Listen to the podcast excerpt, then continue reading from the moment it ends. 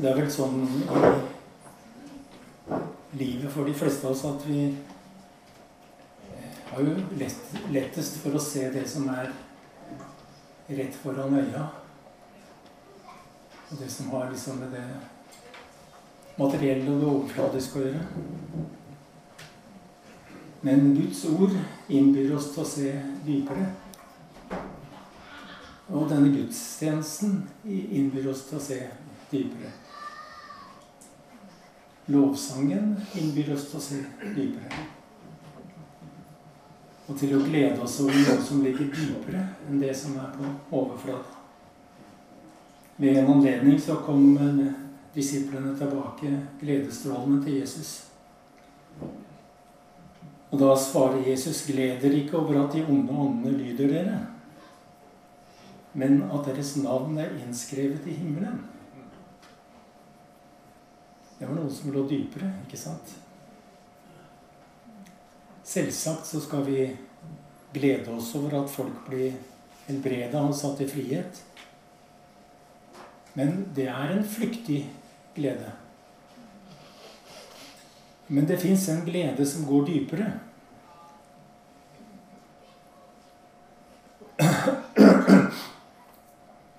Og den glede som går dypere, det betyr at mitt navn er kjent og registrert i himmelen. Og at Guds rike har kommet nær. Og at jeg har mitt borgerskap i himmelen og i Guds rike som har kommet nær. Ja, det er en dypere glede i at jeg kjenner Gud. Ja, hva mer er, sier apostlene Paulus. At jeg er kjent av Ham. Så la oss ikke bare glede oss over de ytre tingene. Selvfølgelig. Men la oss glede oss over det som er mer grunnfesta. F.eks.: Gled dere i Herren. Og gled dere over at dere kjenner Kristus og kraften av hans oppstandelse. Så la ikke gleden hvile på framgang eller noe annet på det ytre plan. For også i motgang er Gud den samme. For Gud har sagt 'Jeg svikter deg ikke, og jeg forlater deg ikke'. Derfor kan vi tillitsfullt, tillitsfullt si 'Herren er min hjelper'. Jeg frykter ikke. Hva kan mennesker gjøre meg? Hebreerne 13,6. Og et annet sted sier Bibelen Jesus Kristus er i går og i dag og til evig tid den samme. Så det er en dypere glede ikke sant, å vite at mitt liv er i Guds hånd. Og det er en dypere glede når alt er usikkert og utrygt, å vite at om jeg enn skulle vandre i dødsskyggens dal, så er Han med meg. Så det er klart vi gleder oss over livet. Men vi gleder oss over, også over noe som er større enn livet. Om jeg lever eller dør, hører jeg Herren til. Vi skal glede oss over alle små og store velsignelser. Men vi skal være forankra i noe som går dypere. Frykt og sorg og smerte er uunngåelig her i verden. Men vi kan takke for selve livet. Det er dypere. Det er større. Og vi kan takke for kjærligheten som driver frykten ut.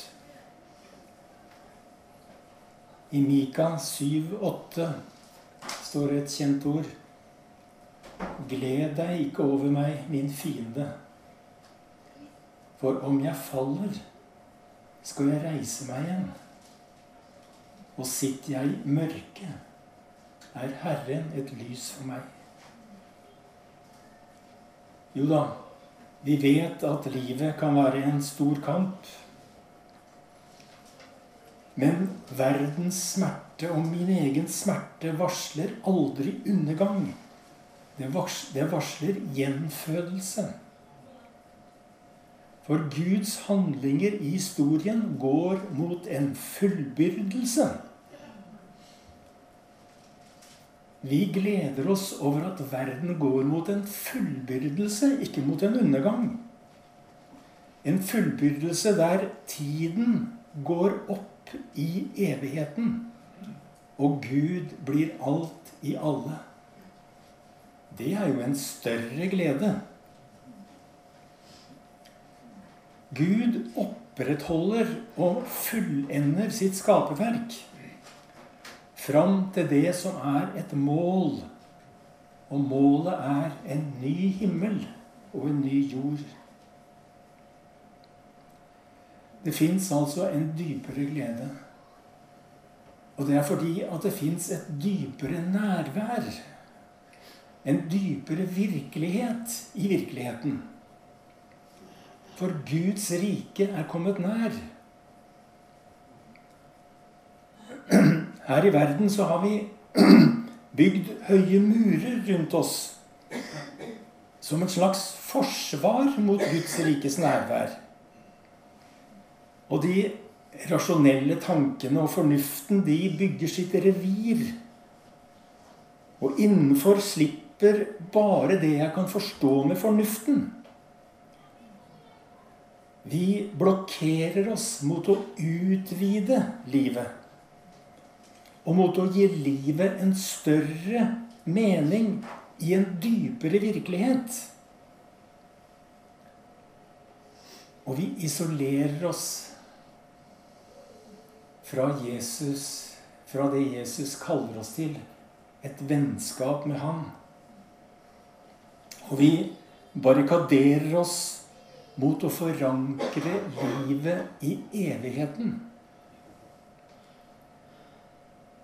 Og det er vår egen styrke og vår stolthet og egenrådighet som begrenser oss fra å kjenne Han og kraften av Hans oppstandelse.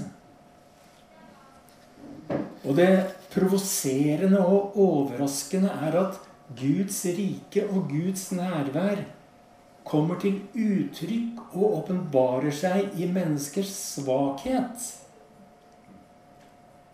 Det er Jesus som sier, 'Jeg priser deg, Far, himmelens og jordens Herre', fordi du har skjult dette for vise og forstandige, men åpenbarte for umyndige små.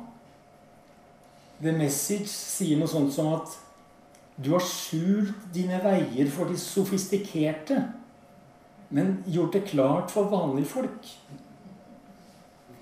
Og i bergprekenen går Jesus lenger. Han sier han gjør det klart at himmelens rike kommer inn gjennom menneskets svakhet og brister. Når han sier 'Salige er dere som er fattige', dere som sørger, dere som er ydmyke, dere som hungrer og tørster etter en dypere virkelighet. Guds nærvær tilhører dere. Guds nærvær dekker hele jorda. Men det siver inn. Det siver ikke inn gjennom våre sterke sider. Det siver inn gjennom våre begrensninger. Hans nærvær så å si klatrer inn i våre liv gjennom hungeren etter en dypere virkelighet. Den siver inn gjennom den tomhet som fravær av meningen med livet etterlater, og gjennom den sorg og lengsel som vi ei har etter det tapte paradiset. At Guds rike har kommet nær, betyr at Gud har kommet vårt innerste savn og vår dypeste tomhet i møte. Og Gud har kommet for å røre ved vår lengsel. Røre ved vår utilstrekkelighet. Og han lengter etter å fylle tomme hender. Og ydmykhet og åndelig fattigdom skaper et åpent rom. Og kanskje, når jeg gir etter for denne lengselen, at den hjemløse sjelen finner tilbake. At jeg finner det jeg søker i de gamle svara. De som er altfor lett avfeide. Jesus sier, 'Salig er de som er fattige i ånden', for Guds rike tilhører dere. Å bli frelst, for å bruke dette misforståtte og misbrukte ordet, det handler først og fremst om å åpne meg for Guds nærvær. Og det handler om å stige inn i et vennskap med Jesus Kristus. Da blir Guds rikes nærvær til en kilde. Og da åpnes det et rom hvor jeg kan høre Guds stemme og bli berørt av Hans kjærlighet. Men salige er dere som ikke lar dere hindre av fordommer, som ikke snubler i den likegyldigheten som preger vår kultur, og som ikke blir holdt tilbake av forutinntatte meninger, og som ikke avviser Jesus når han banker på og kaller oss til å følge ham. Det fins en dypere glede det fins et dypere nærvær, og det fins en dypere kjærlighet. Vi snakker jo ofte om at Gud elsker. Men snakker vi om at Gud vil bli elsket? At Gud ikke søker noen han kan elske, som vi så lett kan tenke oss, Gud søker ikke noe han, noen han kan elske. For Gud er kjærlighet. Og Gud elsker alle. Men Gud søker noen som vil elske ham.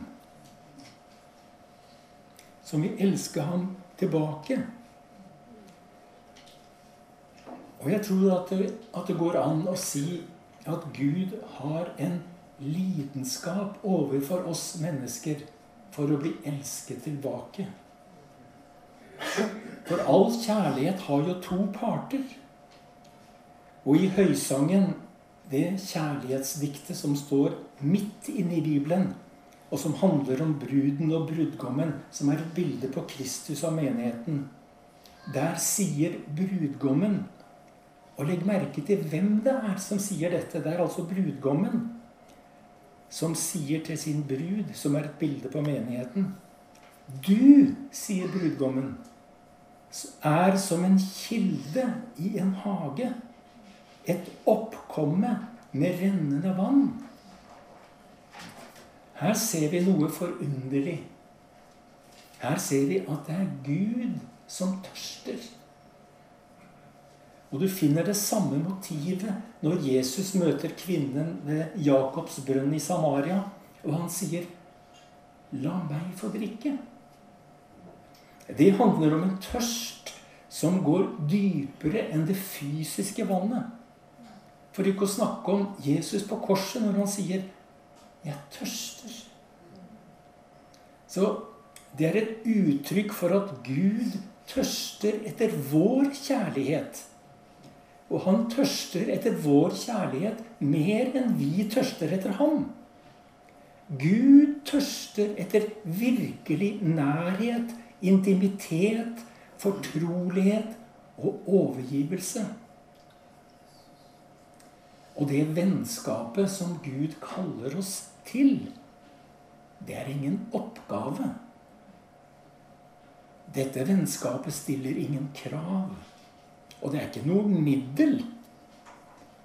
Men han kaller oss til et vennskap der vi kan være en kilde. Der han slukker sin tørst.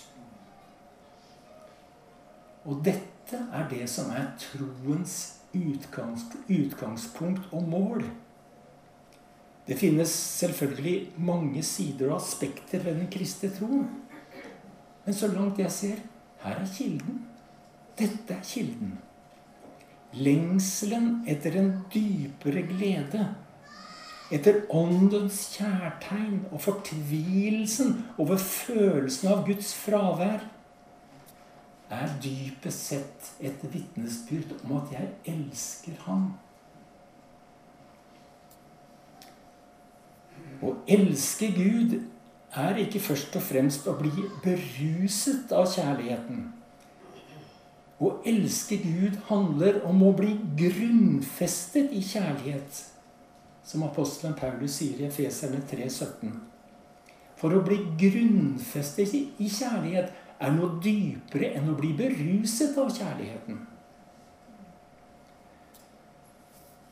Og evnen til å elske må vi se som en gave som blir gitt oss utenifra. For Bibelen sier 'vi elsker' fordi Han elsket oss først. Derfor behøver jeg ikke å engste meg for ikke å elske nok. For Bibelen sier i 1. Johannes 4,16.: Om noen bekjenner at Jesus er Guds sønn, blir Gud i ham og han i Gud. Og vi har lært å kjenne den kjærlighet Gud har til oss. Og vi har trodd på den. Gud er kjærlighet, og den som blir i kjærligheten, blir i Gud, og Gud i ham og henne.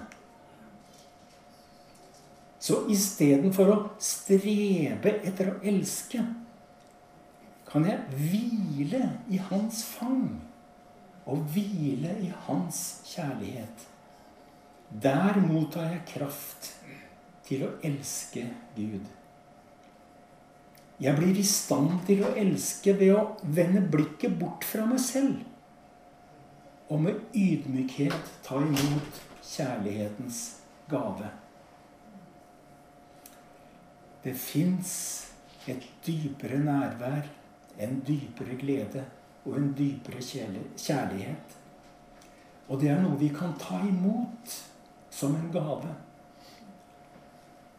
Vi kan ta imot Guds glede, Guds nærvær og Guds kjærlighet som en mild vind fra Mamres til Rebinterlund, hvor Abraham bodde. Han som kalles Guds venn.